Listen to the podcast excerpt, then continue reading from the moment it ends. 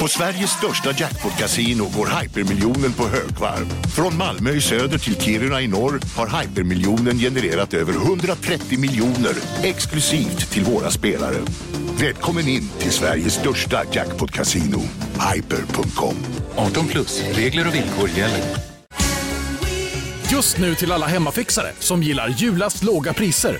En slangvinda från Gardena på 20 meter för vattentäta 499 kronor. Inget kan stoppa dig nu.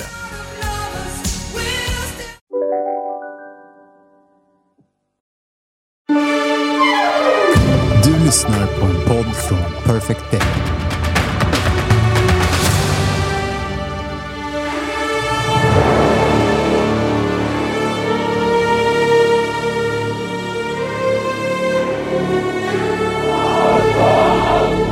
This was the night of the big breakout. Checkpoints across Berlin had finally buckled before the extraordinary political pressures racking this frontline communist state. The authorities had wanted them to wait, but like so much in today's East Germany, they'd simply lost control. Departing East Germans were given a tumultuous welcome to the West. This exciting game. Union are trailing at home by one goal to nil. The goalkeeper's up front as well. Is this a last chance? The cross from Anderson and the goal! The goalkeeper has scored at the death. Rafael Gikiewicz found that space, and after the cross from Anderson, he gets the better of Strauss and scores with his head. Lovely flick on two from Friedrich. And the equaliser scored by goalkeeper superhero Rafael Gikiewicz. It's 1-1. They're still undefeated. Shrill final whistle. Referee looks in as well. It's official. Say oh. hello to the new kids on the Bundesliga block. Oh my goodness. Union Berlin is in the Bundesliga.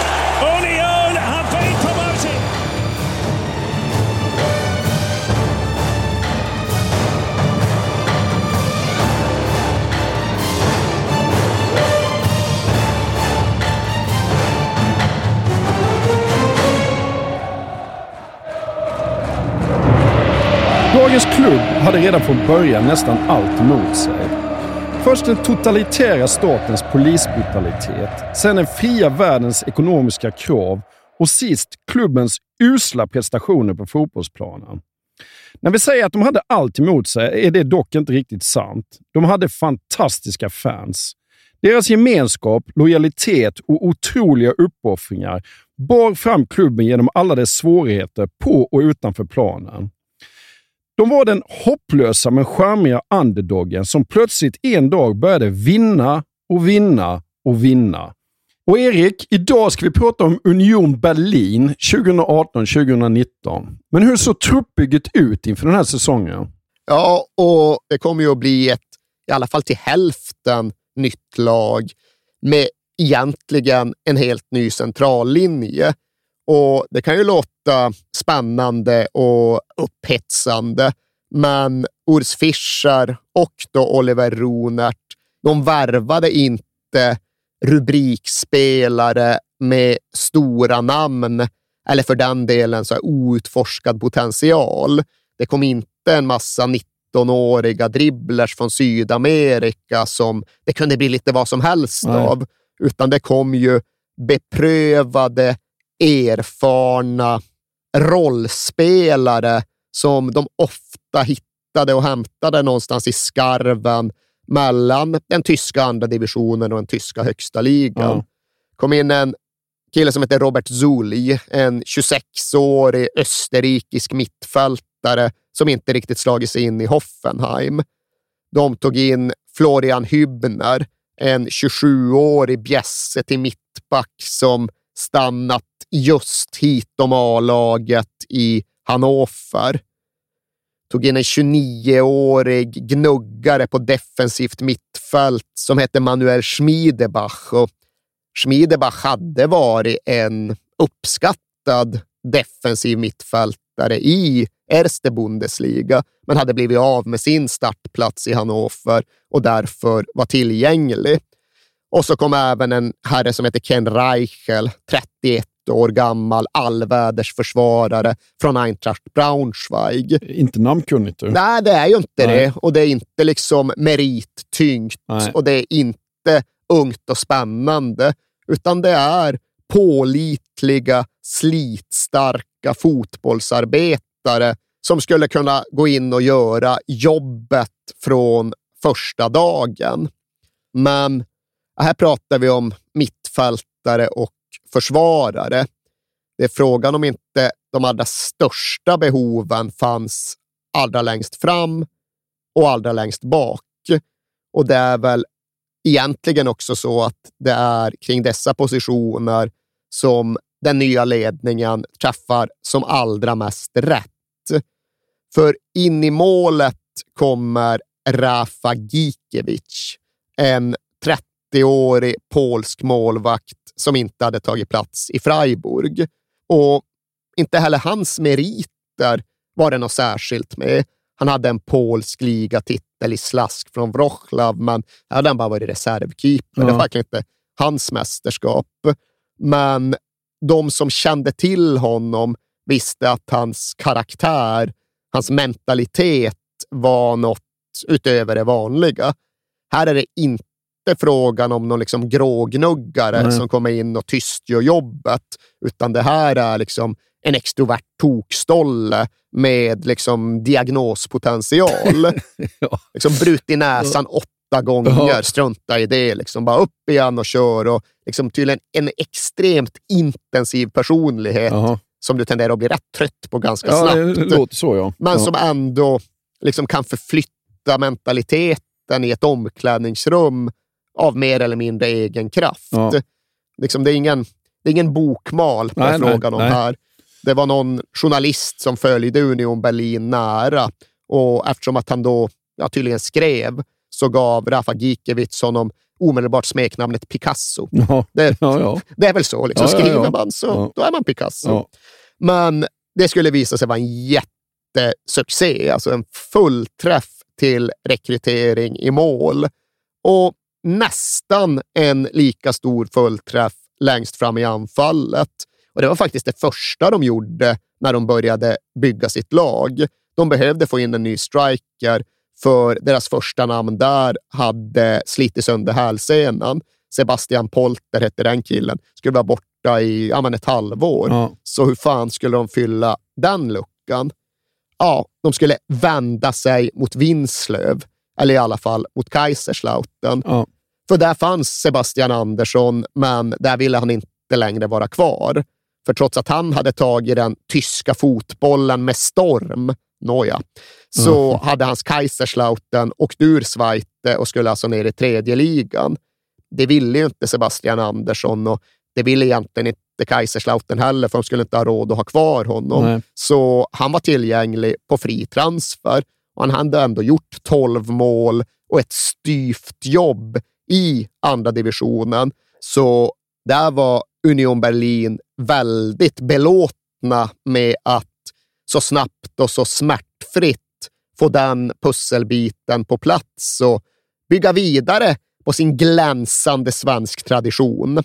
Och okej, okay, den är inte så lång och den är inte så glänsande, men faktum är ju Union Berlin har haft ett av Sveriges mer bortglömda utlandsproffs. Anders Svan från Kristianstad. Han var där en kort period under de allra magraste åren i slutet av 1990-talet och gjorde väl egentligen inget väsen av sig. Ingen som minns Anders Svan idag, Nej. men vi vill såklart ändå uppmärksamma honom. Och ja, okej, okay, Anders Svan var sedan länge hemflyttad, men Sebastian Andersson hade ju faktiskt en landsman att ansluta till och anförtro sig åt omedelbart när han kom till Union Berlin. För ja, där fanns redan Simon Hedlund från Trollhättan ja. och sedermera Älvsborg. Och faktum är ju att när Simon Hedlund först kom till klubben ett par år tidigare, ja, då var ju han deras största investering någonsin. Han var rekordköpet. Stefan Andreasson hade tydligen luggat Union Berlin på om det var 850 000 euro, Ja. alltså 8-9 miljoner svenska kronor. Och det tydliggör ju än en gång vart Union Berlin hade kommit ifrån.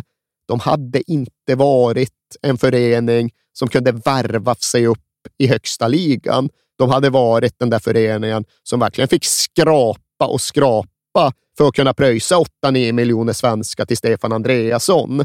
Men ja, det gick snabbt uppåt nu. Hedlund var ju inte längre klubbens rekordköp, utan Union hade betalat större pengar flera gånger om på ganska kort tid och nu betalade de nästan lika mycket bara i lånesumma för att komplettera anfallsbestyckningen.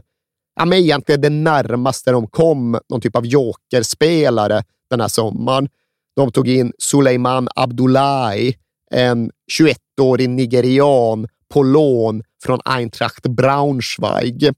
Och det var väl X-faktorn att lägga till en annars ganska stadigt grågnuggig trupp.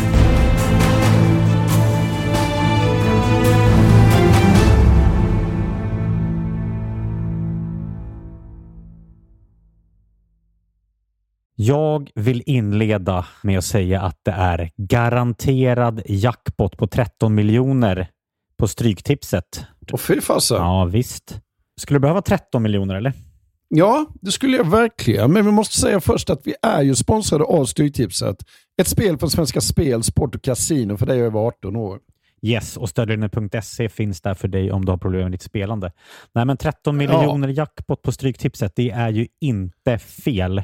Nej, då är det faktiskt dags att ladda en rejäl rad här känns det som. Mhm. Vet du vad som inte heller är fel? Nej. Födelsedagsfirandet och alla härliga Mm. historier vi får in. Exakt, Mm. för vi är ju mitt inne i Stryktipsets 90-årsfirande som vi firar med att läsa upp fantastiska historier från våra lyssnare Yes. som skickar in dem till kings at perfectdaymedia.se. Precis, bomba på nu. Det är åtta månader kvar på det här firandet, så att, eh, vi kör nu. Mycket Stryktipshistorier vill vi ha Mm. och i dagens har vi fått från Peter som skriver så här.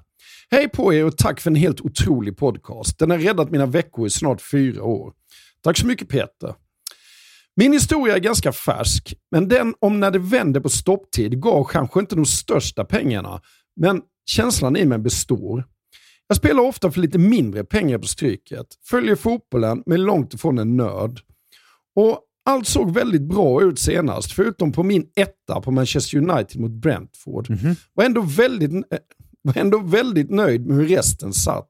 Men på stopptid satte min nya favoritspelare, skotten McTominay, två mål och vändningen fullbordades. 64 rader blev 12 000 kronor.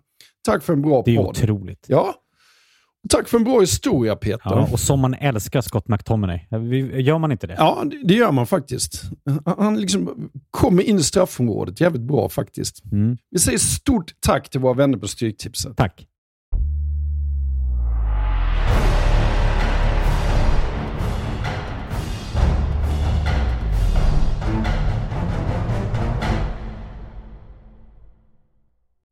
Det är en ny säsong, men det är samma arena. Det är alltid First Rai. Och hur är det där, Erik?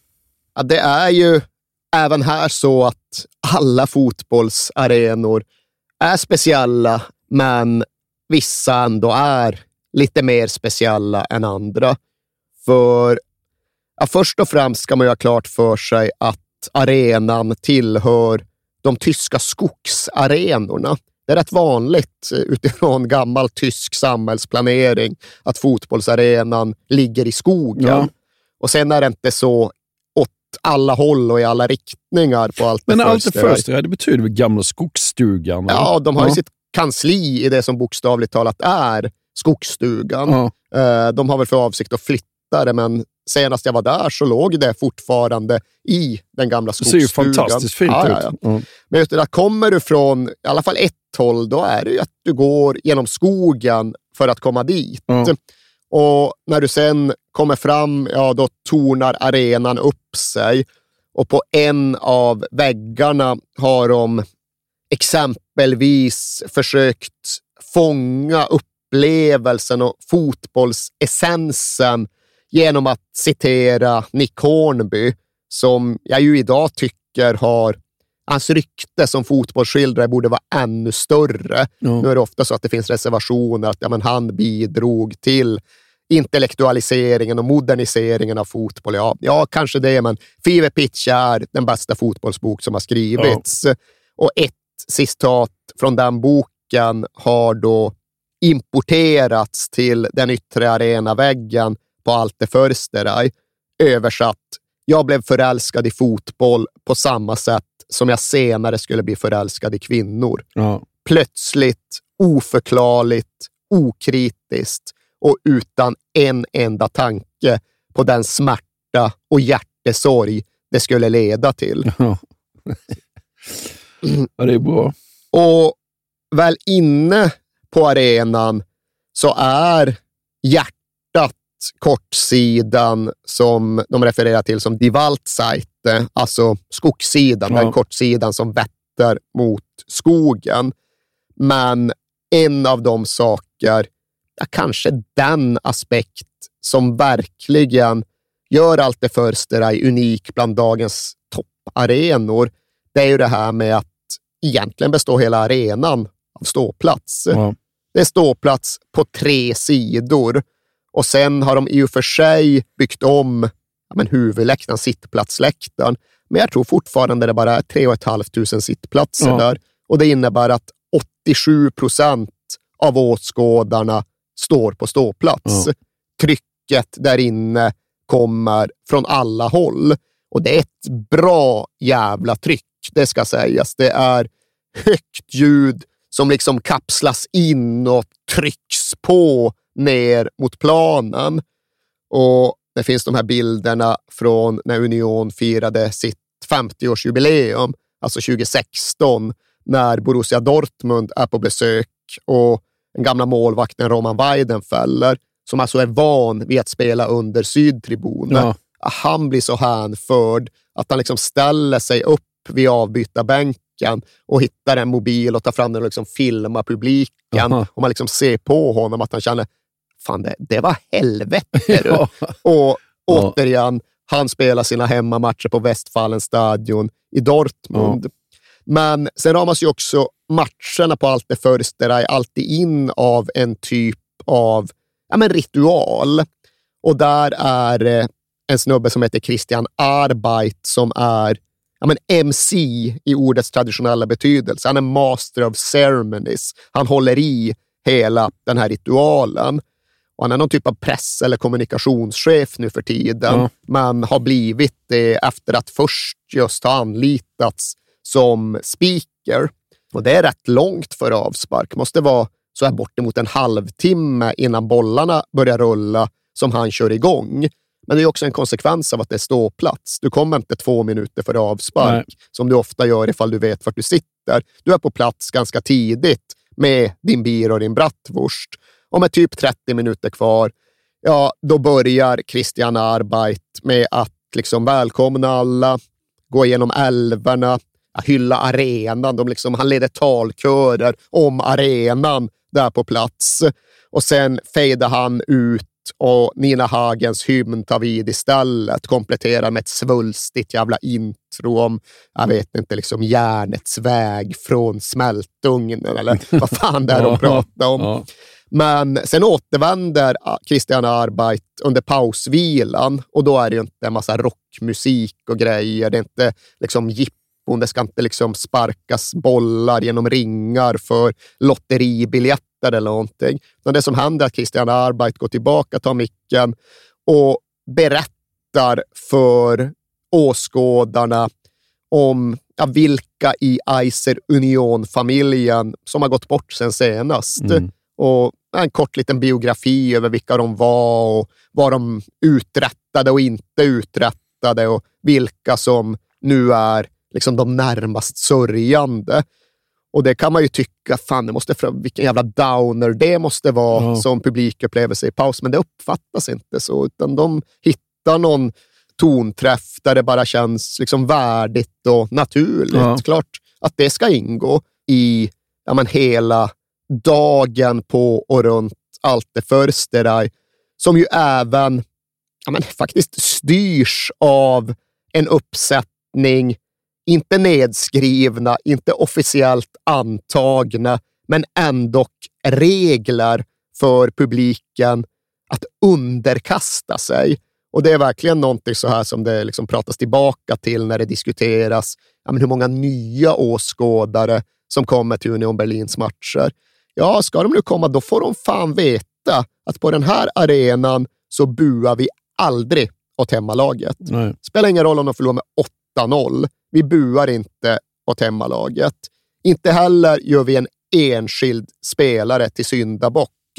Och minst av allt lämnar vi arenan innan matchen är slut. Ni får ha vilka synpunkter ni vill på Berlintrafiken och risken att hamna i en stockning ifall man väntar.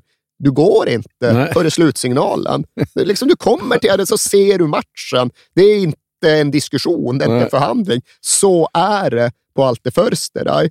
Och allt detta, det springer då ur en grundsyn som rätt och slätt går ut på att supportrarna är där för att stötta laget. De är inte där för att kräva framgång. Nej. Det kan andra ägna sig åt, men ja, är man Union Berlins supporter så gör man inte så. Det är liksom inte det som är premissen. Men i gengäld så förväntar sig då supportrarna, de kräver av sin klubb att arenaupplevelsen skyddas, att det slås vakt om själva fotbollsmatchen. Och det är de ju också väldigt eniga om. Det finns en väldig samsyn kring detta hela vägen från läktare till beslutsfattare. Att det är fotbollsmatchen och publiken på stadion som är kärnan för vår verksamhet. Alla beslut vi tar ska relatera till detta. Det innebär ju just att för dem är det inte viktigt att erövra nya marknader genom att eh, erbjuda någon form av pay-per-view-lösning till Nordamerika eller till östra Asien. Inte viktigt. Ja, men det finns stora intäkter att hämta. Ja, det kanske det gör, men vi kommer alltid att sätta matchen och åskådarna på plats först. Och Det är en väldigt vanlig situation idag att eh, man liksom hukar sig under ekonomiska realiteter när man påpekar att ja, men, publiken som faktiskt går och tittar på Man United, eller Arsenal, ja, eller Spurs, eller Real Madrid eller AC Milan.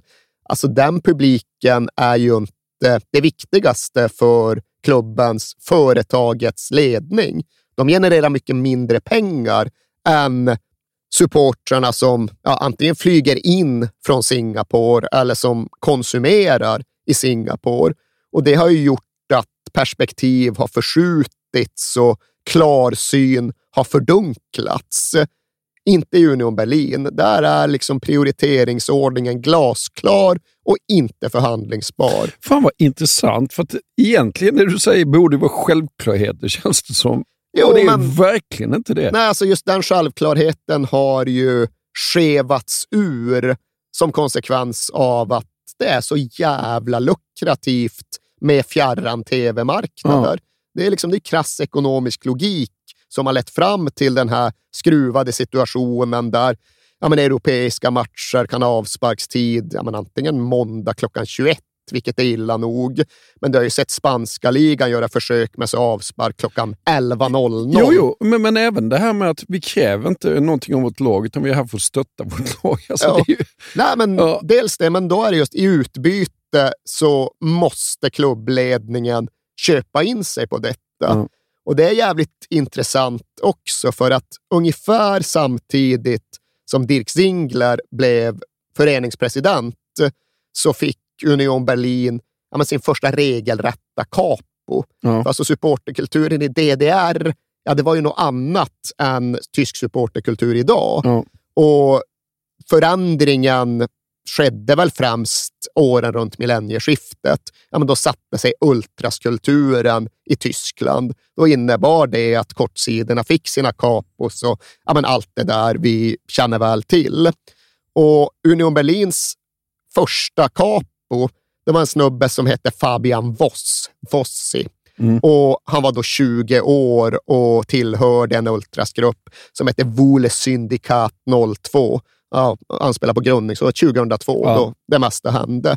Och De tillträdde ju då sina respektive ansvarsposter ungefär samtidigt.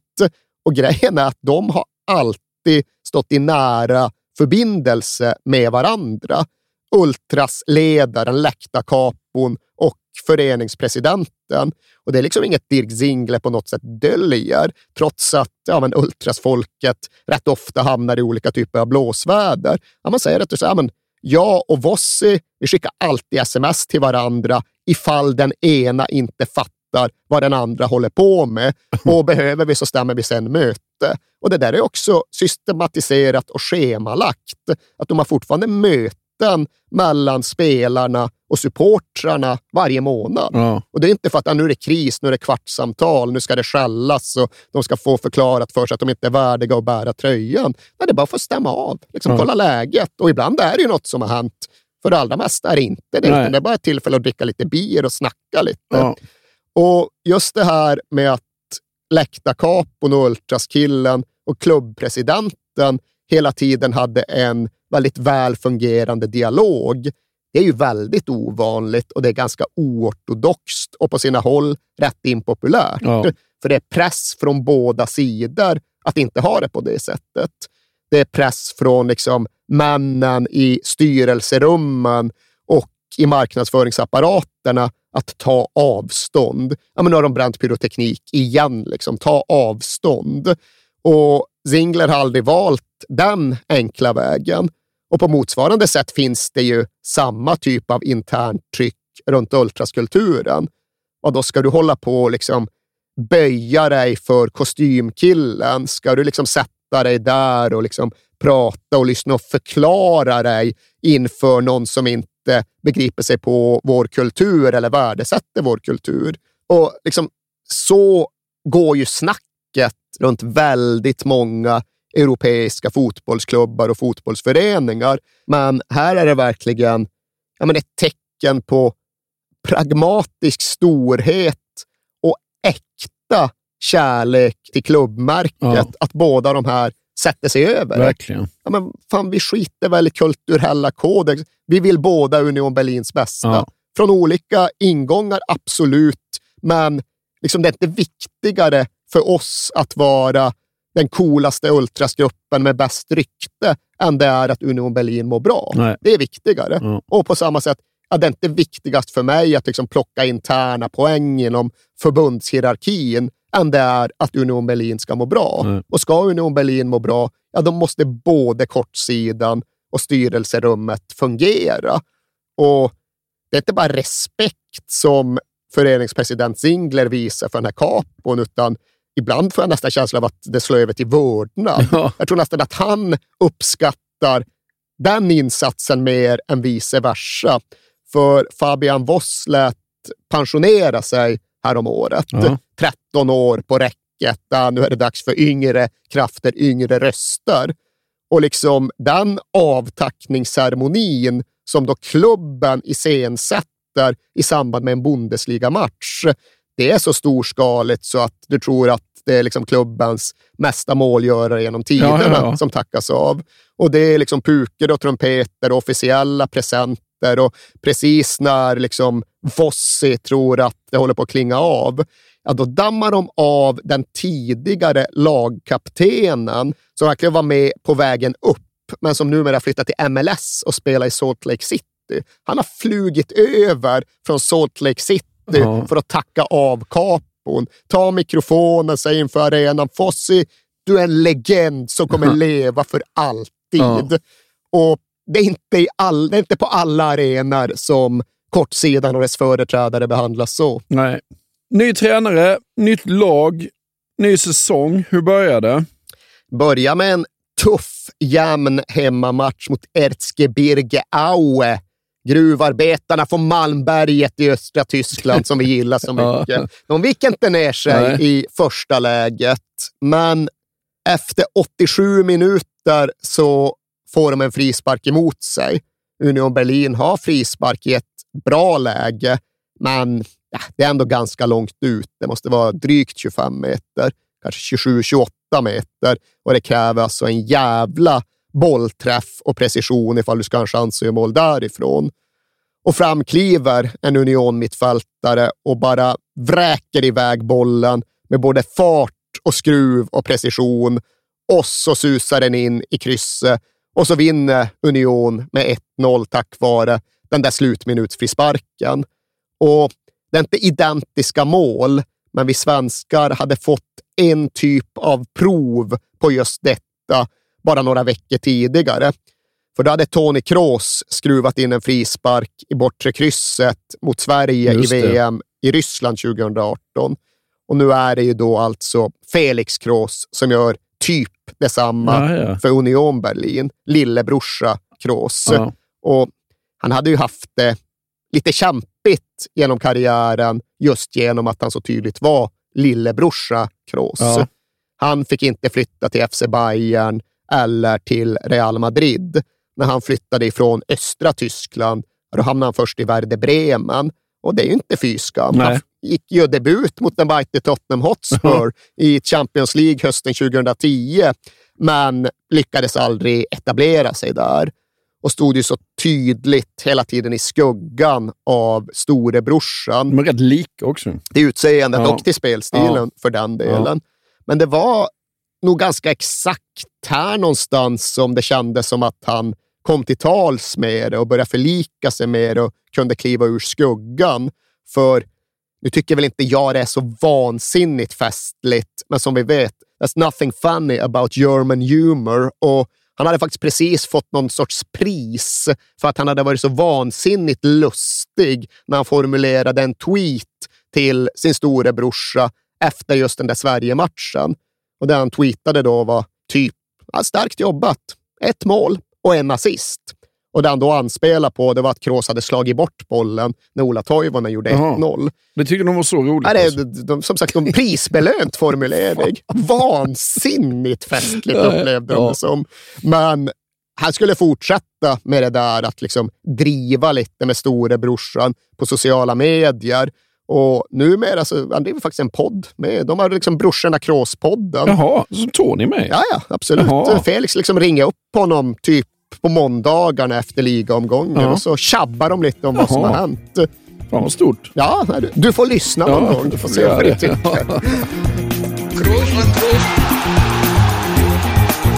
Man nicht leicht beheben, über den drüber, rüber, weg, rüber, weg. Einfach mal lucken. Da ist die Woche schon wieder rum. The boys are back. Toni und Felix. Herrlich. Ähm, und nie standen wir so unter Druck, kann man sagen. Wir, in zweieinhalb Stunden wird die Folge veröffentlicht, Ja, Toni. Dann Bist du bereit? Bist du bereit du abzuliefern? darfst dich jetzt halt nicht so oft versprechen wie sonst, ne? Dann müssen wir ja immer noch, äh, muss Pfeife ja. Ja. immer noch zwei Tage dran arbeiten normalerweise. Och ja, jag ska väl inte säga att det här blev karriärens största stund för Felix Kroos. Faktum är att det inte är så jävla långt därifrån. Så mycket skulle han inte uppnå och uträtta. Det var liksom inte att stapla Champions League-bucklor på hög. Men när allt kom ikring fick han ändå avgöra en premiär av Zweite Bundesliga mot Erzgebirge Aue med att vrida upp en frispark i krysset från 27 meter. Och det är fan inte fy Det är inte fy skam, nej. Like Felix Kors will take this one. Kors! Oh, what a strike! What a fantastic goal from Felix Kors. Well, this kind of shooting technique seems to run in the family, doesn't it? Just like his big brother. Well, 1-0 to Union Berlin. A fantastic, fantastic free kick from Felix Kors. Ja, premiärseger, det borde ju gått. Ja, för fan. Det blir alltså ganska bra fart i seglen in i den här säsongen. För i andra matchen är det sen tufft motstånd. Det är en ovanlig Bundesliga-säsong för två av de riktiga bjässarna har åkt ur Erste Bundesliga. Det är ju dels då Hamburger Sportverein, klubben som inte kunde åka Ja, ur, precis. som nu till sist då har gjort det. Och därutöver även FC Köln. Även de, ja, men en gammal mästarklubb. Och liksom alla förhandstips går ju ut på att de två ska dra ifrån något alldeles vansinnigt. För ja, men, de är större än Ja. hela resten av divisionen tillsammans. Så att åka till Köln redan i andra omgången, det är en barsk uppgift. Men Union löser den. De drar inte hem med någon seger, men de får i alla fall med sig en poäng efter att den där nyrekryterade svensken på topp gjort mål. Och det skulle Sebastian Andersson sen fortsätta med, för i seriematchen som följde, ja, då gjorde han två och var delaktig i ytterligare två när Union städade bort Sankt Pauli. Ja. Och däremellan hade han dessutom hunnit med att göra mål i kuppen. Och detta trots att han faktiskt gav bort en straff som det var sagt att han skulle skjuta. Men han kände att fan, polaren Simon Hedlund, liksom svensken som hade tagit med honom för att se VM-kvarten mot England på Brandenburger Tor, han behövde också göra mål, Ja. för han var inte riktigt inne i elvan den här säsongen, så han skulle må bra av att sätta straffen.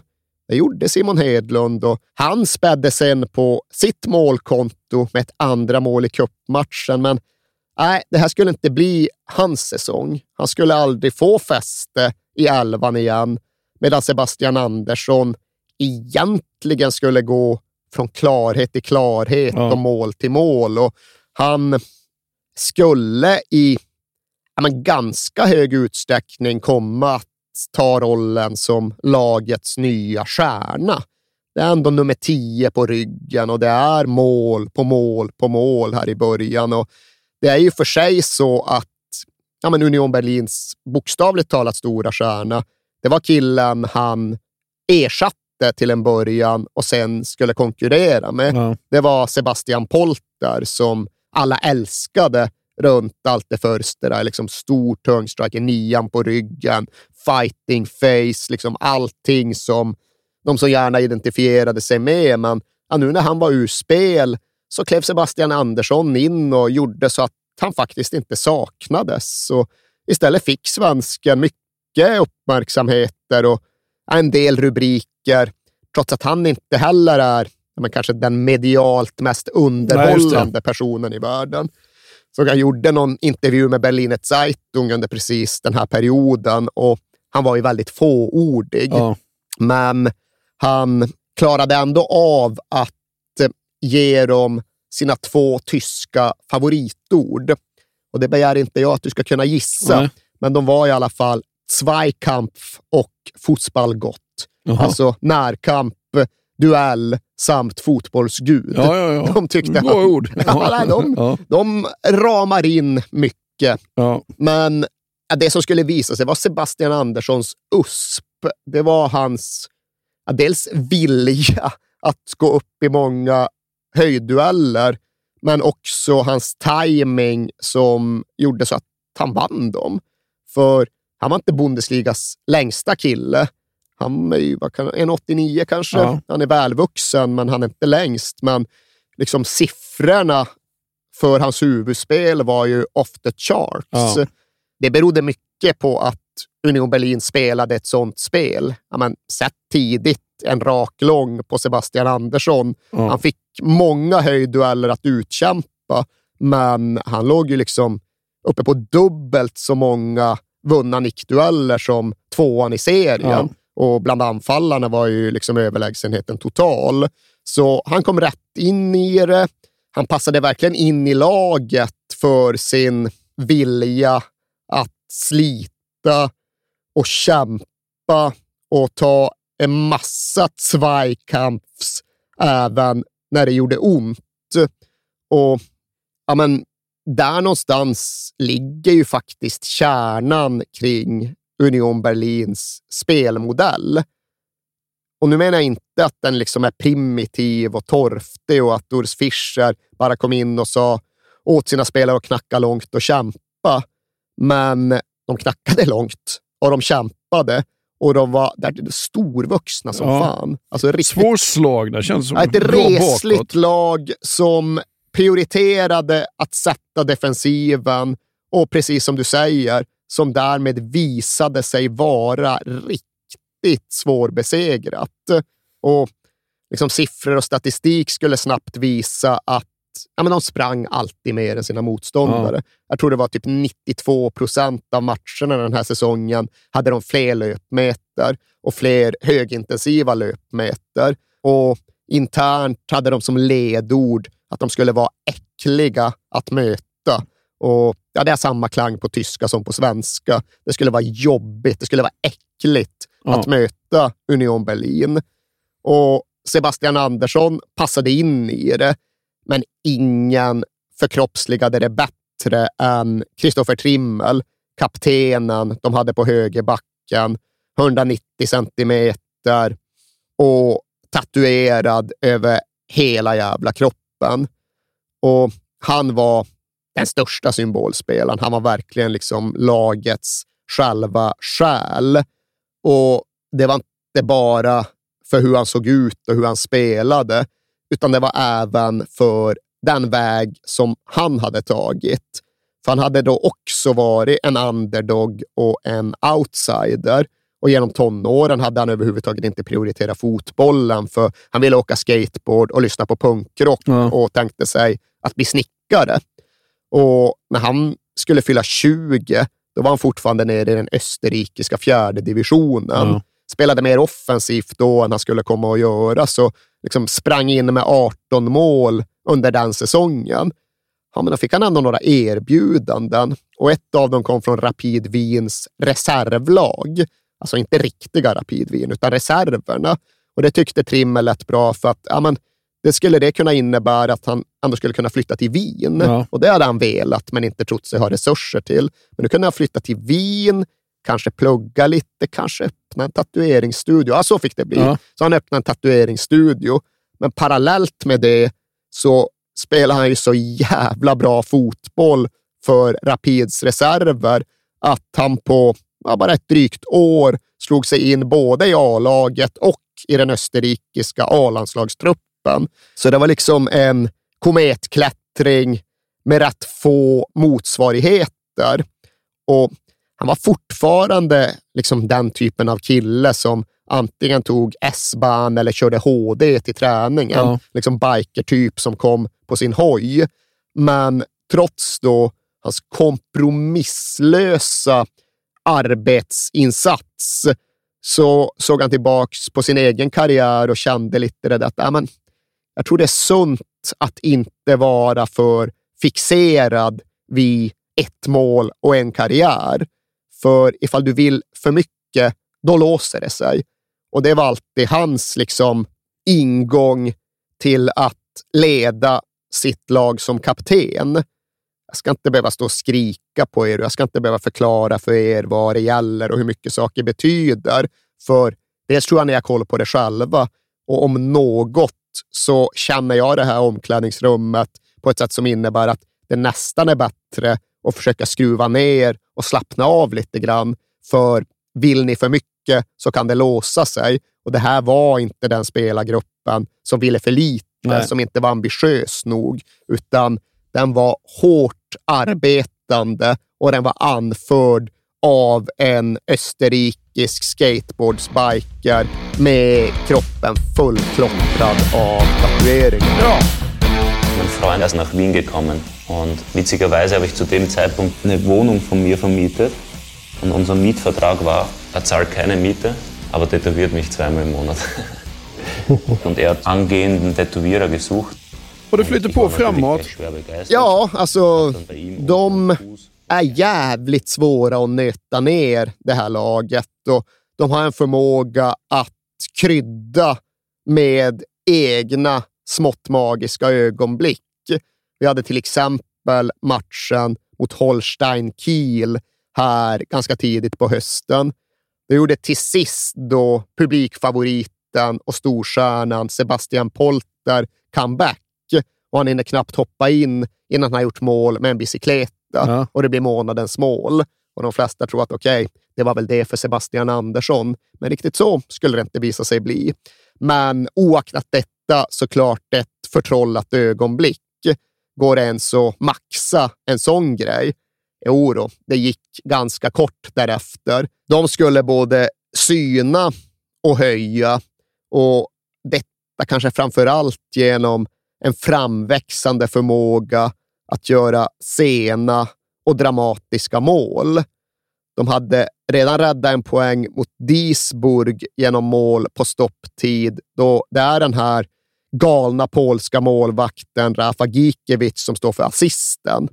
Men ja, vad sa vi? Vi synar och höjer. Nu är det Heidenheim hemma. Hemmamatchen efter att Sebastian Polter gjort ett bicykletamål. Och de ligger under djupt inne på stopptiden. Ja, då skickar de fram Gikiewicz i offensivt straffområde och det kommer in en andra vågsboll. Och det är faktiskt Sebastian Andersson som fan ballerina-trollar. Han slår knut på sig själv för att lyckas få in ett inlägg. Och det nickas då såklart i mål av Rafa Gikiewicz. Och bara liksom hans, hans expressiva jubel får det att kännas som att det här är fan någon typ av säsongsklimax. Juliana trailing at home by one goal to nil. The goalkeeper's up front as well. Is this a last chance? The cross from Anderson and the goal! The goalkeeper has scored at the death. Rafael Gikiewicz found that space and after the cross from Anderson He gets the better of Strauss and scores with his head. Lovely flick on two from Friedrich. And the equaliser scored by goalkeeper superhero Rafael Gikiewicz. It's 1-1. They're still undefeated. Han hade jublat klart då var det snarare så att han liksom snackade ner det lite och såg det som självklart. Ja, men fan, klart jag kan ju mål. Jag, jag spelade på topp tidigare ja. och du vet, tvillingbrorsan, han har ju då en tvillingbror som heter Lukas. Han är striker ja. och han är rätt välkänd i, i polsk fotboll. Lukas Gikiewicz, inte minst för att han har en så jävla knölig karriär. Han har sett sig omkring på ett sätt som ja, men jag själv önskar att jag hade gjort. Han har varit tror jag, så 22 klubbar Jaha. i 11 olika länder. Och Jag känner ju att ibland blir mina quizfrågor för förutsägbara. Och det finns en risk att Håkan Andreasson redan har läst in sig på olika svenskkopplingar kring det relevanta avsnittet. Oh. Men har du läst in dig på Lukas Gikiewicz karriärbana, då blir jag förvånad. Oh. Och det begär jag ju för sig inte heller. Nej.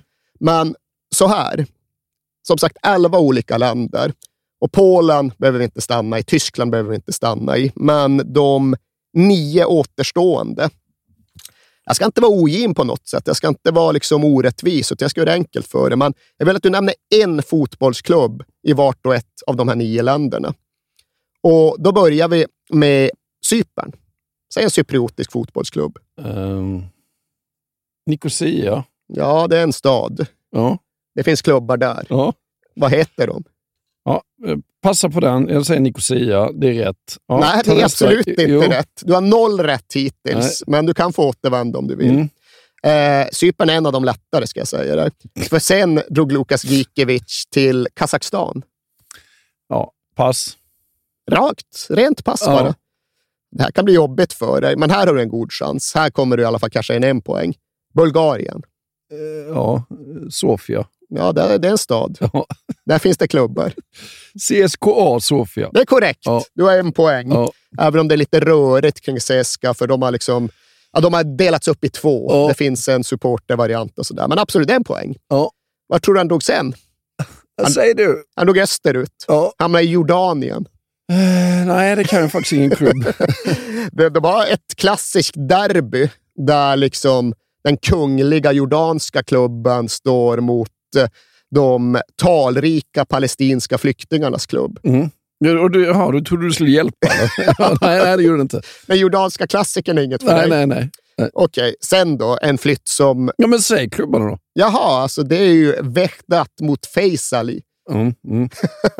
för helvete. Ja. Men ja, sen så brassade han iväg, ja, men likt flera svenskar och liksom andra kontroverssugna personer, till Saudiarabien Sluta tafsa på datorn. Nej, det, det, skärmen. gör- det, det, det gör jag faktiskt inte. Eh, ja, det ska jag ju kunna, känns det som kanske. Eh, men det kommer jag inte på någon nu. Du släpper den. Mm. Står kvar på en poäng. Nej, Nicosia. inte en poäng. Du har en på fem nu. Men nu tar vi den väldigt liksom, turistvänliga rutten över till Thailand. Det är många svenskar som är proffs i thailändska högsta ligan numera. Ja. FC Bangkok. Nej, de har en klubb som innehåller de komponenterna, där bland annat Mahmoud Eid från Nyköping nu spelar. AFC Bangkok. Nej, det får inte det. Du måste till med en till dimension. Bangkok, FC, Bangkok Soccer. De ska heta både FC och Soccer. Ja, men vad fan. Nej, då vet jag inte. True Bangkok United FC. Mm. Men nu, nu har du i alla fall en smashboll. Det här behöver jag inte ironisera över, Nej. utan här får du en poäng. Rumänien. Ja, Stora Bukarest. Mm. Det är i och för sig också så att de har liksom Ja, men splittrats och delats upp i två, Ja. men nej, det är poäng. Ja. Bahrain. och sen då avslutningsvis Indien, som ju ändå har en lite egendomlig fotbollsliga. Ja. Eh, Bojan Djordjic har varit proffs i Indien. FC New Delhi. Det, det heter väl ingen klubb. Måste ju för sig dubbelkolla för att se att det inte finns någon sån. Men det finns tydligen inte ens någon klubb från New Delhi. FC Madras. De här jävla blinda skotten ut Ja, men i jag- luften. nej, jag vet inte. Nej, det tror jag inte du kommer klara. Nej. Men för att få upp till tre av nio, alltså 33 procent, så tycker jag ändå du ska återvända till Cypern. Ja, men det är klart jag kan det. Men det Apoel. Ap, Ap, Apoel? Korrekt. Ja. Mötte precis Djurgården Ja. i europeiskt Ja. eh, kvalspel. Känner du nu att du har klarat quizet? jag, eller? tycker, jag tycker jag får två plus nu. Jag tror fan lyssnarna förstår att det, det, det där var en omöjlig fråga. Ja. Ja, det fanns eh, svåra komponenter. Bahrain är rätt svårt, det får Mm. Ja. jag acceptera. De över Jordanien är väl halvsvår. De övriga, liksom 6-7, tror jag ändå att de flesta ligger på. Det tror jag inte. Det tror du Nej, du, du, du överskattar våra lyssnare. Du, Du jag underskattar dem. Nej, jag, jag tror de är som jag ungefär. Ja, det var väl häromdagen när vi pratade om Union Berlin och du menade att vad sa du, 95 procent har inte en aning om vad det är för klubb och vart de kommer ifrån. Alltså att, Så jag 95? ja, Kanske 90 mer- eller 95. Alltså Ja, att fler 90. än hälften har liksom någon form av ramkoll. Nej, jag tror 90 procent inte har en ramkoll på eh, Union Berlin. Ja, I sådana fall I sådana fall måste vi anstränga oss hårdare för att undervisa våra Alex, lyssnare. som är, är fel. duktig på fotboll, vår klippare, eller vår producent, hade inte koll på Union Berlin. Det är ju sjukt, Ja. för han är Djurgården och till sak hör att Djurgården och Union Berlin har haft sina, sina sammanstötningar. Det var ju, Union Berlin var på Tele2 och mötte DIF i en träningsmatch i januari 2014 kanske. Ja. Av någon jävla anledning så finns det väl då någon form av friendship mellan delar av Djurgårdens support och Dynamo Berlin. Så helt plötsligt dök det upp folk och kanske framförallt en flagga från Dynamo Berlin på Djurgårdens sektion. Jaha. Det slutade inte bra. Nej, det förstår jag verkligen. Så om inte annat kan jag tycka att Jo, Alex men borde det hade in- nog Alex koll på, att det var ett gruff. Eh, tror jag. men Men, det- jag tror inte han hade koll på själva klubben. Då liksom. intresserar man väl sig varför. Varför är det så jävla känsligt med en Dynamo Berlin-flagga?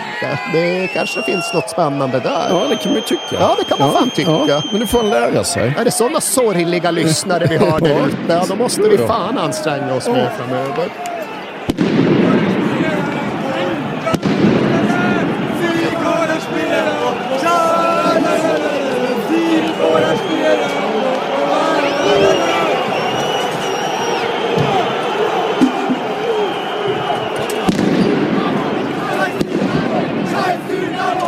Tillbaka till tidslinjen. Hände det något mer här under hösten? hände alltid grejer kring en förening som Union Berlin, men en notabel, en ganska talande grej, det var att ja, men det tyska fotbollsförbundets president avgick under de här månaderna. Och då såg Union Berlin någon form av tillfälle till förändring och fann det för gott att publicera en allmänt cirkulerad tiopunktsplan för en citat bättre fotboll. Och ja, de rubricerar genom att slå fast att tiden har kommit för fundamental förändring. Och här någonstans så ägnar väl sig Union åt ett försök att föregripa sin eventuella uppflyttning. Om vi nu ska upp i det här modernt industrialiserade toppskiktet av fotbollen, ja, då måste vi i alla fall, kanske inte försöka driva på faktiskt för den, men vi måste i alla fall göra vår röst och vår ståndpunkt känd. Så det här tiopunktsprogrammet, ja, det utgick helt enkelt från en vilja att dels göra den tyska toppfotbollen mer supportervänlig igen. Alltså bort med måndagsavsparkar, bort med sånt som gör det svårt för de som faktiskt går på matcherna. Och därutöver då ja, man göra den tyska toppfotbollen jämnare. Liksom bättre fördelning, mer solidarisk fördelning av tv-pengarna. In med en sorts lönetak. Ja, men den typen av förslag ja. var det som Union Berlin kom med. Gillar Bayern München jättemycket. Ja, FC Bayern brydde sig inte jättemycket, Nej. det är ju bara att ärligt ja. säga. Men det var väl inte så att de trodde att alla bara skulle säga okej, okay, så gör vi, utan det var väl mycket en markering ja. för att positionera sig. Och det här är ju ett starkt fotbollspolitiskt inlägg, men det kan ändå vara på sin plats att tydliggöra att Union Berlin aldrig har varit explicit politisk. De må ägna sig åt fotbollsideologi, men de tar inte riktigt vid samhällsideologi. Alltså de är inte Sankt Pauli. Nej. Det är en viktig, för dem väldigt viktig skillnad. Men det känns som att de gillar varandra ändå. Nej, de har ja. kommit åt, jag ska inte säga avsky varandra. Jaha. Ja, det har funnits någon form av samhörighetskänsla, men det har just blivit en sorts ideologisk slitning där Sankt Pauli är öppet politiska och där väl Union känner att de har missuppfattats för att vara detsamma. De går med på att ja, men vi är implicit politiska utifrån vår bakgrund och vår historia, men mer än så är det inte. Och liksom Sankt Pauli-folk, sympatisörer där, de kan ibland liksom peka anklagande fingrar mot Union Berlin för att de tycker att de klänger sig fast vid en traditionalism som nästan blir konservativ. Aha. Och de är ju traditionalistiska, men det finns någonting i det här i att ja, men de klamrar sig så starkt fast vid Köpenick, sitt ja. område. Ja. Och där har det relativt sett exempelvis varit väldigt lite immigration. Ja. DDR hade ju inte nej, nej, immigration, nej. i alla fall inte om det lokala universitetet inte hade något märkligt samarbetsavtal med Idi Amin och Uganda eller något sånt där som ju hände. Men, ja, men det kanske inte är så jävla många som vill flytta till Köpenick heller. Nej, i alla fall inte 1987 nej. och faktiskt inte heller 1997 nej, och knappt ens 2017 heller.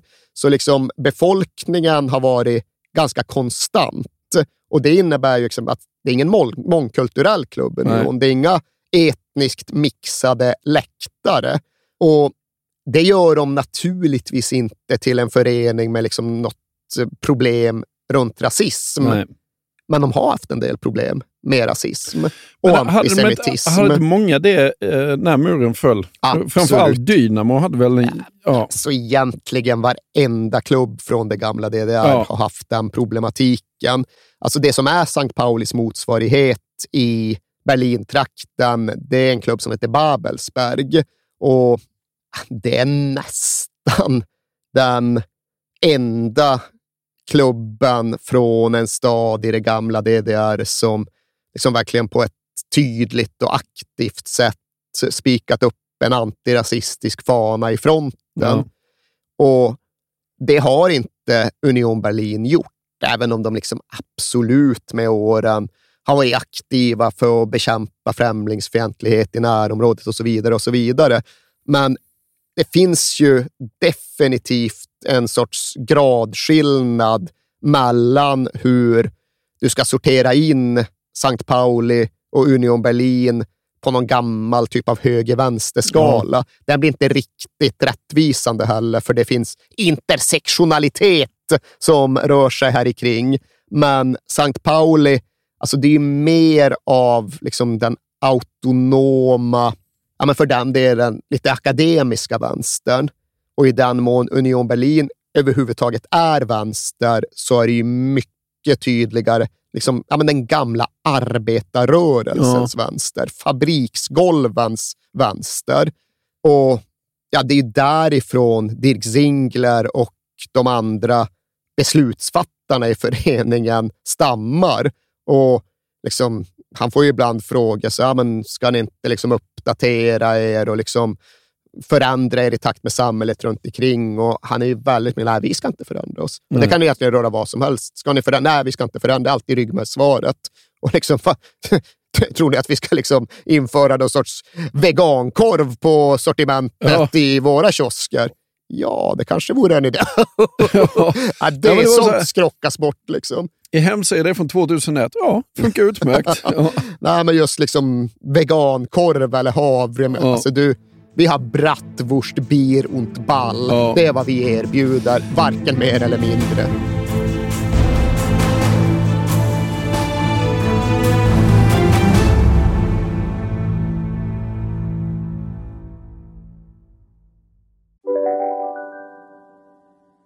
Välkommen till Momang, ett nytt smidigare kasino från Svenska Spel, Sport och Casino där du enkelt kan spela hur lite du vill. Idag har vi Gonzo från spelet Gonzos Quest här som ska berätta hur smidigt det är. Sí, es muy excelente y muy rápido! Tack Gonzo. Momang, för dig över 18 år. Stödlinjen.se. Ah, dåliga vibrationer är att skära av sig tummen i köket. Ja! Bra vibrationer är att du har en tumme till och kan scrolla vidare. Få bra vibrationer med Vimla. Mobiloperatören med Sveriges nöjdaste kunder enligt SKI. Om en sous är på väg till dig för att du hörde en kollega prata om det och du råkade ljuga om att du också hade en och att den var så himla bra att maten blev så otroligt god. Och innan du visste ordet av hade du bjudit hem kollegan på middag nästa helg för att du sålt in din lågtempererade stek så bra att du var tvungen att beställa en på nätet fort som attan. Och ja! Då finns det i alla fall flera smarta sätt att beställa hem din sous på. Som till våra paketboxar, placerade på en plats nära dig och tillgängliga dygnet runt. Hälsningar Postnord. Under de 17 första omgångarna förlorar de inte en match. Inte en match. Men de vinner inte sådär Nej, fruktansvärt många Det är inte så att de heller. lösgör sig Nej. i tabellen, utan ofta spelar de ju kryss. Ja. Det är ju vanligare att de kryssar än att de vinner. Men det gör ju någonting med liksom, självkänslan och motståndskraften i Eiser Union, ja. järnunionen, när de inte går att välta över ända. Nu blir de ju onbesigbar FCO, alltså de oslagbara FC Union. Och ja. Det är väl här efter krysset i Hamburg som de faktiskt börjar prata om uppflyttning på riktigt allvar den här säsongen. Och det här någonstans som liksom årets signaturmelodi får verkligt fäste på läktaren. Och det är den där sången som avslutas med Die erste Bundesliga ist für uns zum Greifen nah. Alltså, första ligan är inom räckhåll. Inom räckhåll, ja. exakt. Men till slut förlorar de och det är mot eh, dina favoriter Erzgebirge Aue, va? Erzgebirge Aue, exakt. Det föredömlig förening ja. på så väldigt många sätt. Men äh, de får ju rejält på tafsen borta i det östtyska Malmberget. Och, ja, det är ett dilemma för tränare Urs Fischer, för det här är egentligen första gången han tillåter sig att försöka med ett sorts 4-4-2, där då båda de stora anfallarna spelar tillsammans. Det är både Sebastian Polter och Sebastian Andersson. Och så går det så här. 3-0 förlust utan minsta snudd på poäng. Och Det här är ju då den 23 december, dagen före julafton och deppigt vinterregn när laget väl återvände till Berlin. Och här kan man ju tänka sig att det blir just en jävla grå deppig start på julhelgerna.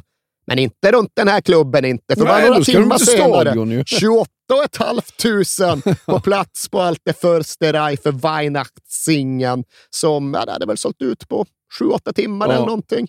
Jag förstår det. Fan vad trevligt att gå dit dagen innan julafton och dricka glühwein. Ja, ja, men hade det inte det? Jag vet, alltså jag har ju aldrig... Nej, du är ju inte sån. Men Nej. jag hade tyckt det var trevligt. brukar ju gå på så här adventsmässor. Ja, det har hänt. Ja. Men det, det här är väl annat? Det är ju Jo, hårdrock, 28 000. Glühwein och liksom omstöpta salmar som liksom anspelar på läckta favoriter. Ja, vad fan. Ja. Det, är klart att, det är klart att det hade varit värt att testa. Ja. Men återigen, det här är inte för oss. Nej, det är det är för. Union-familjen. Gör Urs något i vinterfönstret då? Ja, alltså inget stort egentligen, utan snarare så ser han väl att slimma truppen lite grann.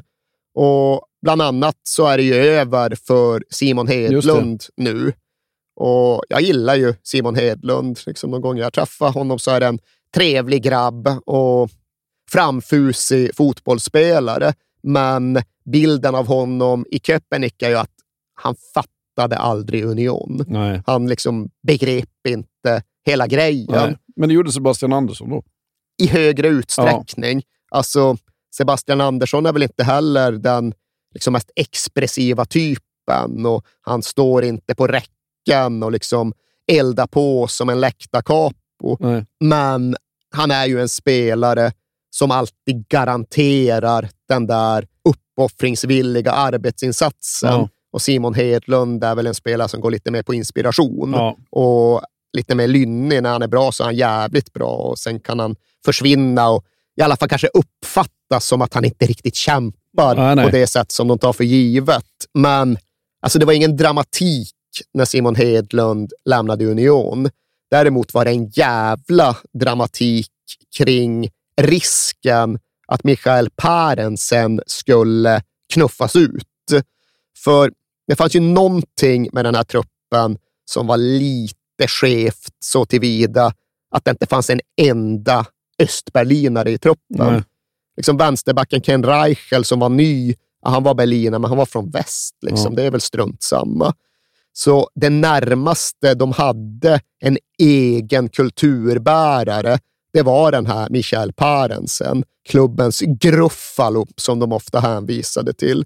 Och det var inte bara det att han nu hade varit där i ett årtionde. Det var framför allt det att ja, men, han hade varit där när vi var usla. Ja. Han liksom kom innan allt verkligen lyfte. Innan läktarna alltid var fullsatta. Och även om då klubben verkligen ansträngde sig för att det skulle förbli ett kort avstånd mellan läktare och planen så var det svårt att förhindra att det någonstans ändå växte. Det var någonstans bara tidens tempo. Men när Parensen kom, ja, då var det fortfarande så att han skulle, ja, han skulle flytta från Köln och man behövde lösa allt med det. Ja, då var det Union Ultras som bara anmälde sig frivilligt. Ja, flytta, absolut. Vi kommer till Köln, vi hjälper dig att packa, vi fixar liksom en bra flyttbil, sen kör vi den till Berlin och så packar vi upp åt dig. Ja. Absolut, det Ja. låter bra, men jag ska vara med och bära, säger Parensen. Ja. Och liksom där knyts det ju band Verkligen. som består. Och nu tycktes det då vara så att Parensen skulle bort för så värst mycket speltid fick han inte. Och Urs Fischer begrep väl mycket, men kanske inte riktigt den här dimensionen till fullo. Han såg väl bara en möjlighet att eh, effektivisera spelartruppen. Men nu kommer ju istället föreningspresident Dirk Singler in från sidan och han är noga med att han är inte den sortens president som lägger sig i det sportsliga. Nej. Liksom i sitt civila liv, om nu någon kommer och säger att man behöver göra så här med cementen, ja då lyssnar han, Ja. för han kan inte grejen. Nej. Han kan inte fotboll heller på det sättet, men han förstår betydelsen av parensen. Ja. Så här bryter han personligen in sig. Nej, han ska inte lämna klubben. Det vi istället ska göra det är att garantera honom ett jobb och en roll efter den aktiva karriären, vilket då innebär att han inte har något behov av att flytta vidare. Han är och ska förbli en unioner och detta eftersom att det finns viktigare saker än vem som är backup på mittbacken och vilken roll han fyller på träningen. Du får tro på mig i den här frågan, herr huvudtränare, för här går jag faktiskt in och bestämmer. Ja. Sen är det omstart i slutet på januari och det är stormatch för att Köln kommer ja, till Berlin. Och, som sagt, de hade en förmåga att krydda sitt gråslit med riktigt glittrande ögonblick. För här har det då varit uppehåll i mer än en månad och det finns absolut en osäkerhet kring om Union kan hämta sig efter den där smällen mot Aue. Är det nu så att de kommer liksom sjunka tillbaka ner mot normaliteten, ja då kommer ju FC Köln såklart att komma till stan och liksom påbörja nerknuffandet. Men matchen hinner inte börja. Det är liksom 30-40 sekunder innan Marcel Hartel gör en löpning in i offensivt straffområde, får ett inlägg, tar ner det på bröstet och drar sen iväg en bicykleta i nästa rörelse och gör 1-0 till Union Berlin. Och de hade ju redan vunnit tror jag, så månadens mål två gånger. Ja. Dels det sena målvaktsmålet av Gikiewicz, dels comeback-bicykletan av Polter. Men den här bicykletan var bättre. Ja. Det är liksom inget snack om den saken. Så ah, det är bara att ge priset för månadens mål till Köpenick för tredje gången. Och nu ska det väl bara vara att låta de goda tiderna rulla.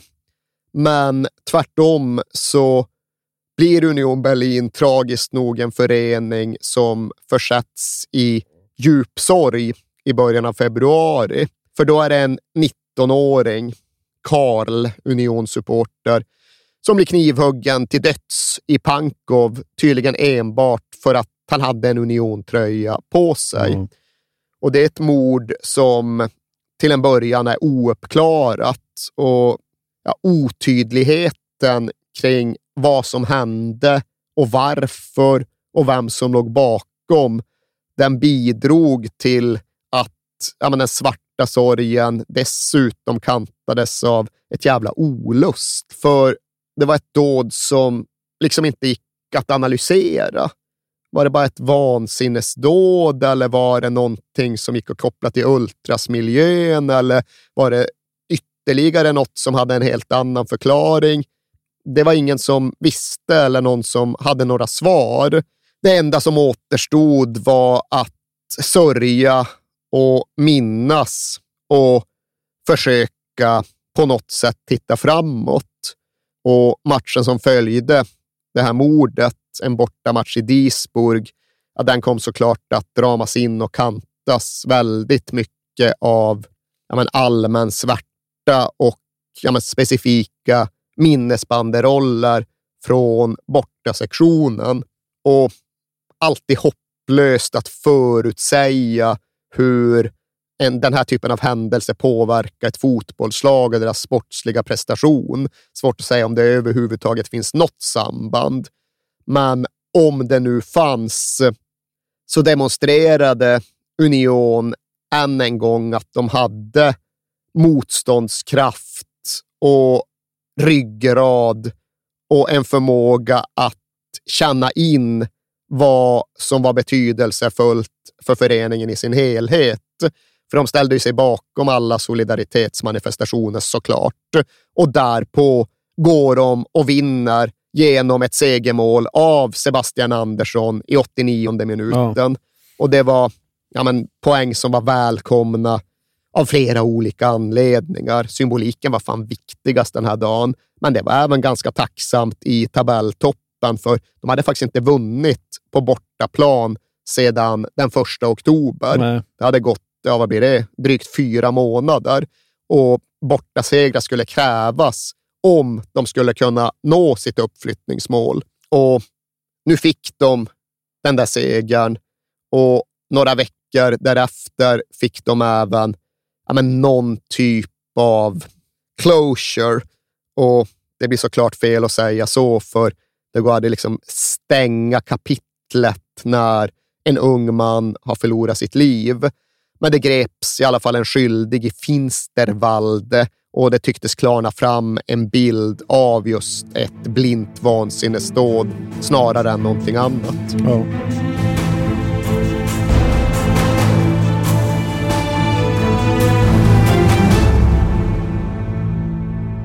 Men då har vi förflyttat oss, då har vi förflyttat oss några veckor framåt och segermaskinen börjar hacka lite. Ja, de går in i en period mellan den 8 mars och faktiskt den 28 april då de går fem matcher utan seger. Och där håller säsongen på att springa iväg från dem.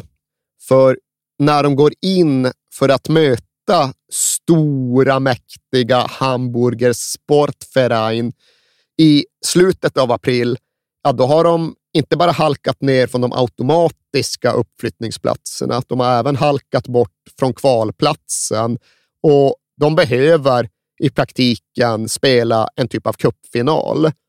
Oavgjort, inte mycket värt. Förlust, ja då var uppflyttningsdrömmen mer eller mindre krossad. Och nu var det liksom dags för självrannsakan och teambuilding. Så nu är det barbecue-kväll i Kienbaum och där ska det ha liksom pratats utan filter med öppna rör. Och om det nu var detta som ledde till prestation, det är också svårt att slå fast, men under läktarparollen Kampf und Leidenschaft, kamp och lidelse, så går Union Berlin ut och inte bara ser ut som Union Berlin igen, utan de ser ut som en bättre variant av det Union som tidigare funnits och ja, men gör processen kort med Hamburg. Får inte glömma heller att det är ju ändå Hamburgers sportförening med kniven mot strupen. Ja, det, det är, är ingen liksom, svår motståndare. Det är en cup... Ja, nej, och du menar så ja. Ja. Du tänker att de kommer alltid liksom eh, klappa ihop Ja, och vika ner. så, ja. Ja, nej, visst. Det, det blev ju ingenting med den självklara återstuds till högsta ligan som alla tagit för given för HSV. Nej. Det är faktiskt fortfarande inte blivit Nej, någonting det med den jag. återstudsen. Så absolut, det kanske framstod som tuffare än vad det verkligen var. Men ja, när Union Berlin verkligen tryckte på den här dagen, ja, då föll gipsväggen på andra sidan ganska omedelbart. Det blev en oväntat bekväm seger för Union och därmed var de tillbaka på kurs. Därpå följde sen ja, men både en förlust och en vinst. Och ja, detta ledde i sin tur fram till en säsongsavslutning ja, där allt stod på spel. Och det fanns otydligheter kring exakt hur det stod på spel. Men att det fanns en möjlighet till direktuppflyttning, det var klart. Ja. Det var rätt och slätt så att Union behövde knapra in en poäng och en kärve plusmål på Paderborn. Och Paderborn spelade borta i Dresden medan Union spelade borta i Bochum.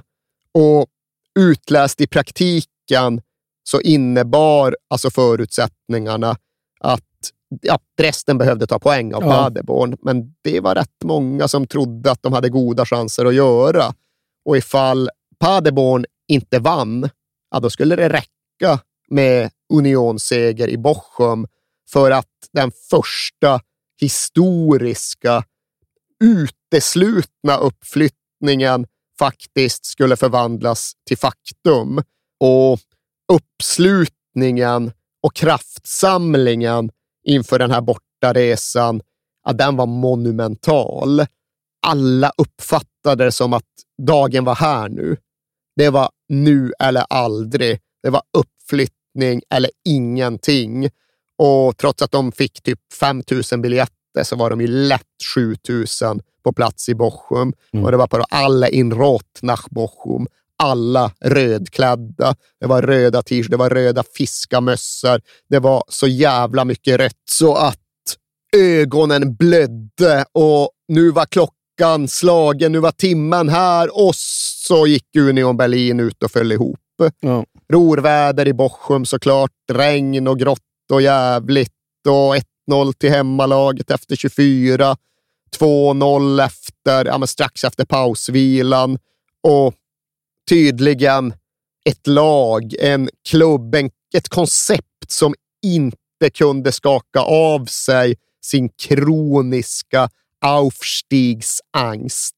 De kunde inte bli av med sin uppflyttningsnoja och så länge de inte var kapabla så spelade det ju ingen roll att Paderborn i sin tur också säckade ihop borta i Dresden.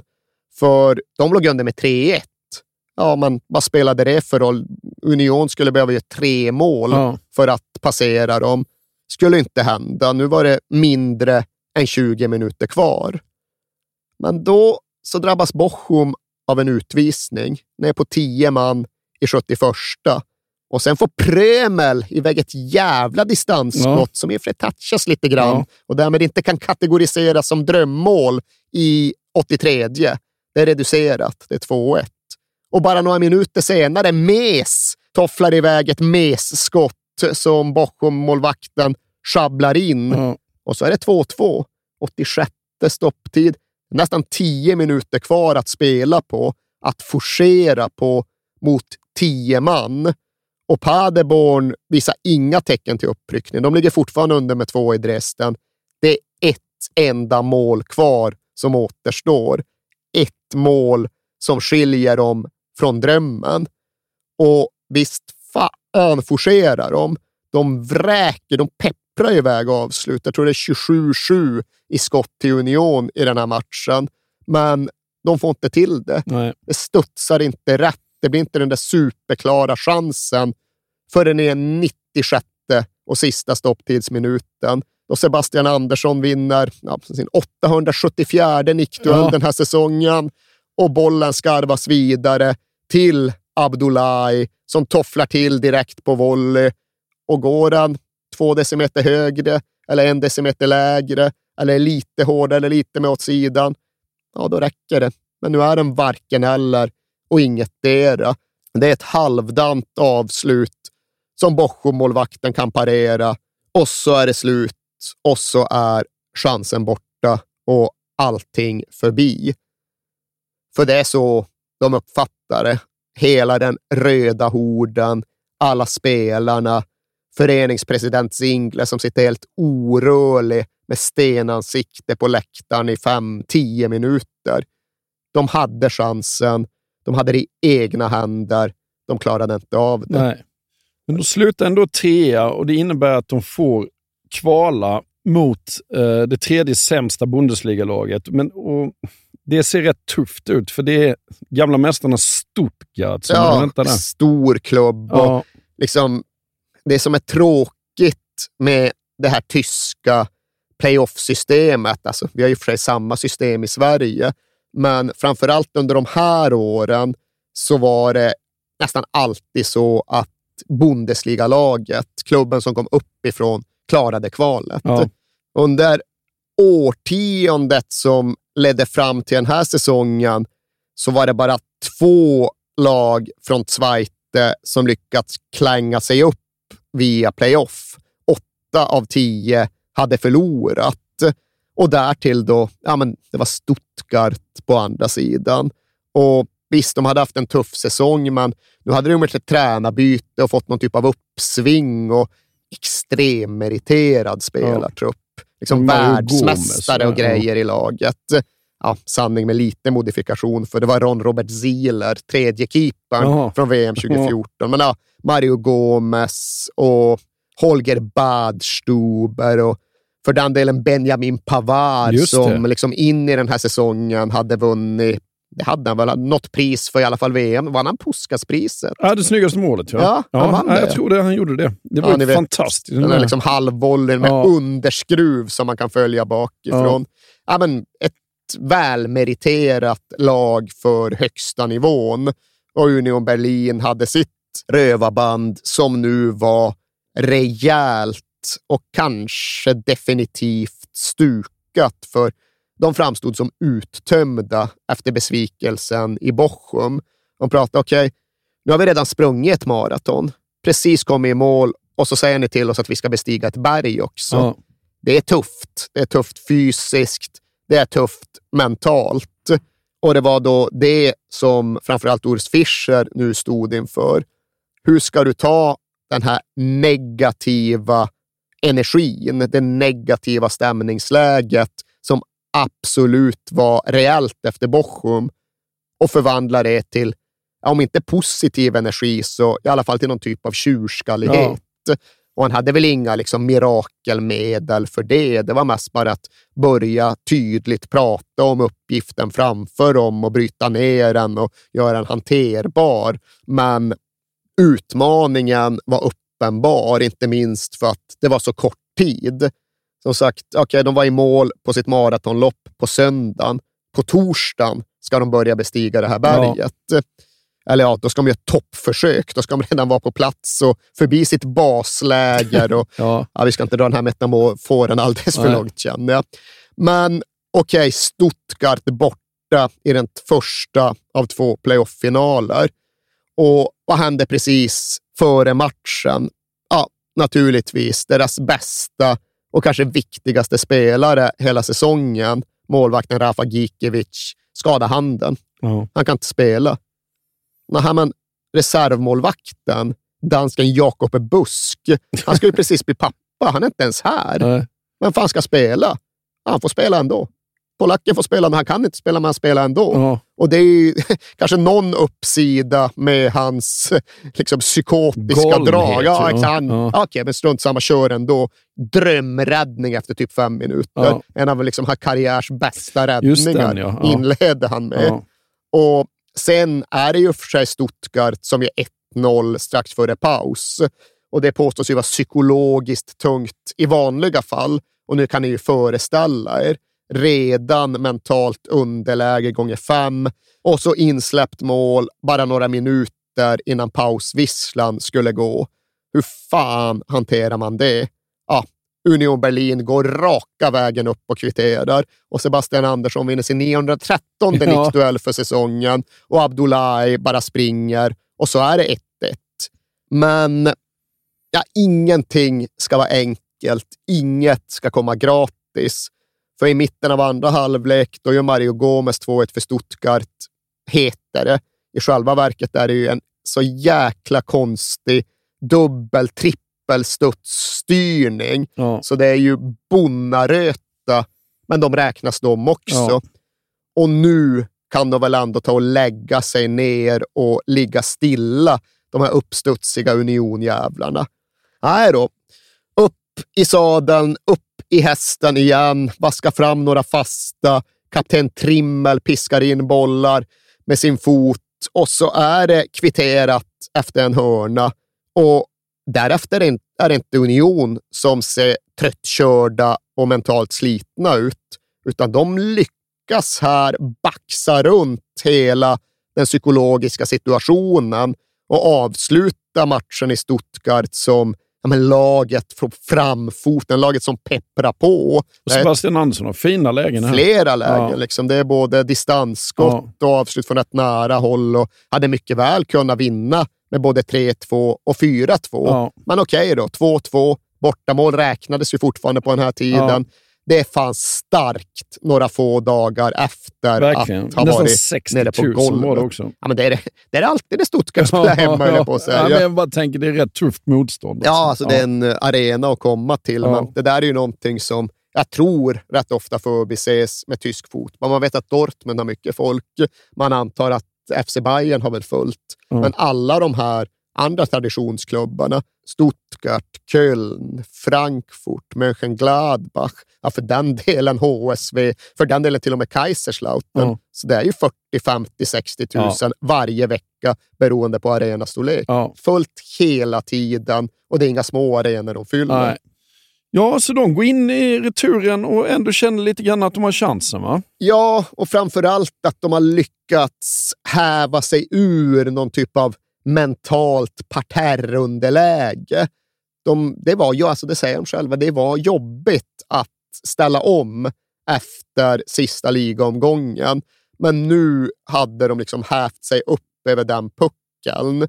Och även om möjligheten såklart fanns var det inte riktigt samma, ja, men nästan ödesmättade stämning som det var inför Bochum. Då var det liksom just det nu eller aldrig. Det måste ske, det måste ske, annars kommer det aldrig bli, det måste ske. Ja. Nu var det som att alla runt föreningen enades om att det hade blivit fel psykologisk ingång.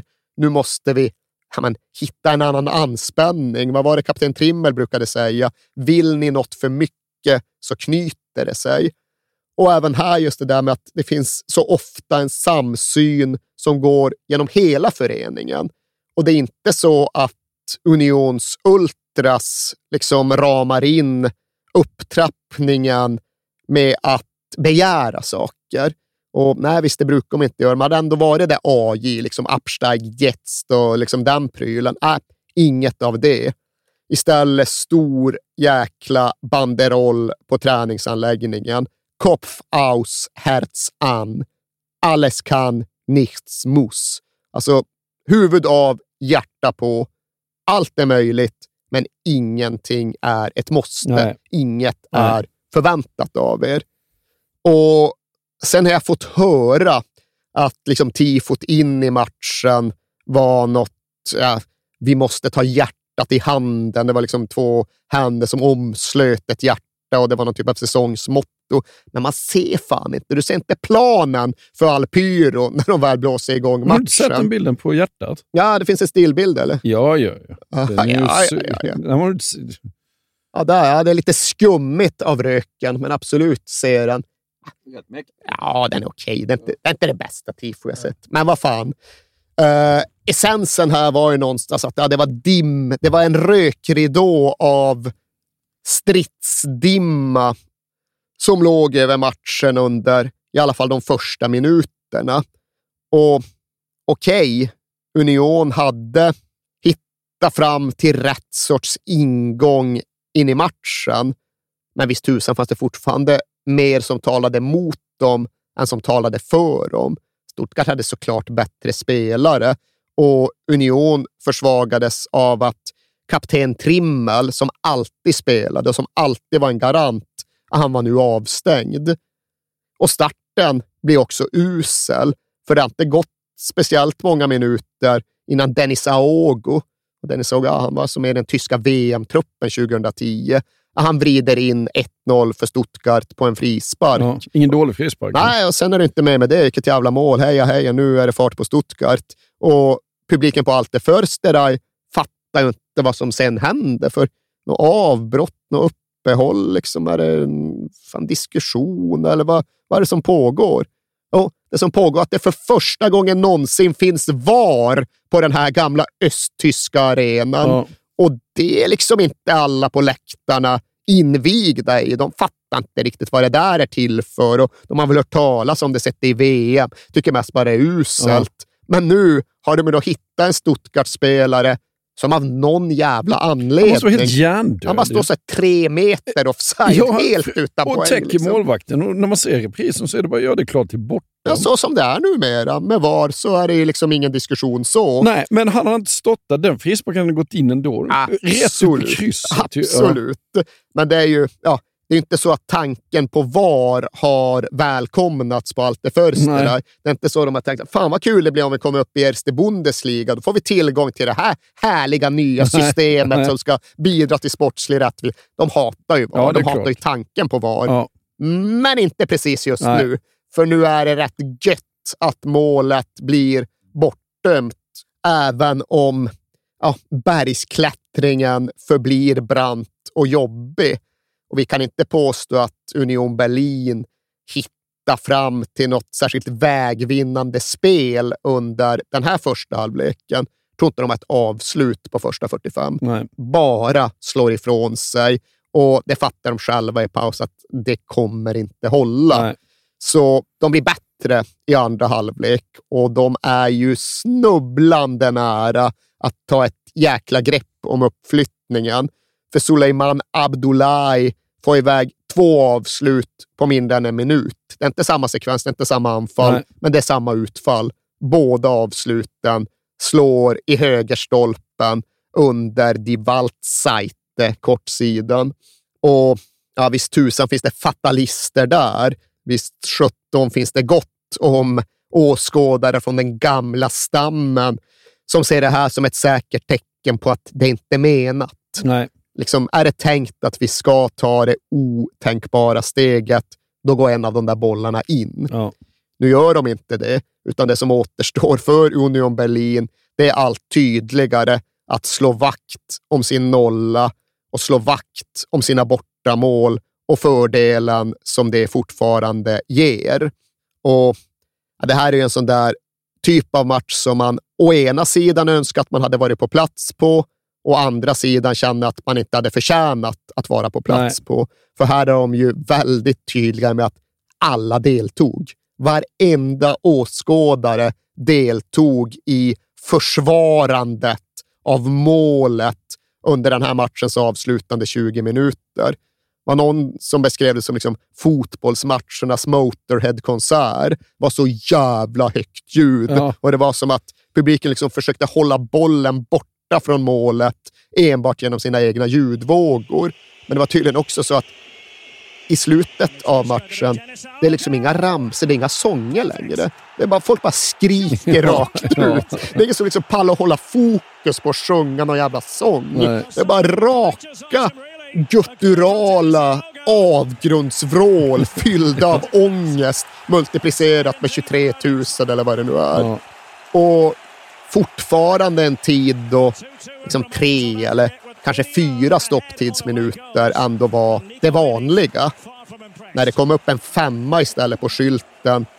Folk tar ju det som en dödsdom. Liksom. En extra minut! Vad va, va, vad menar ni?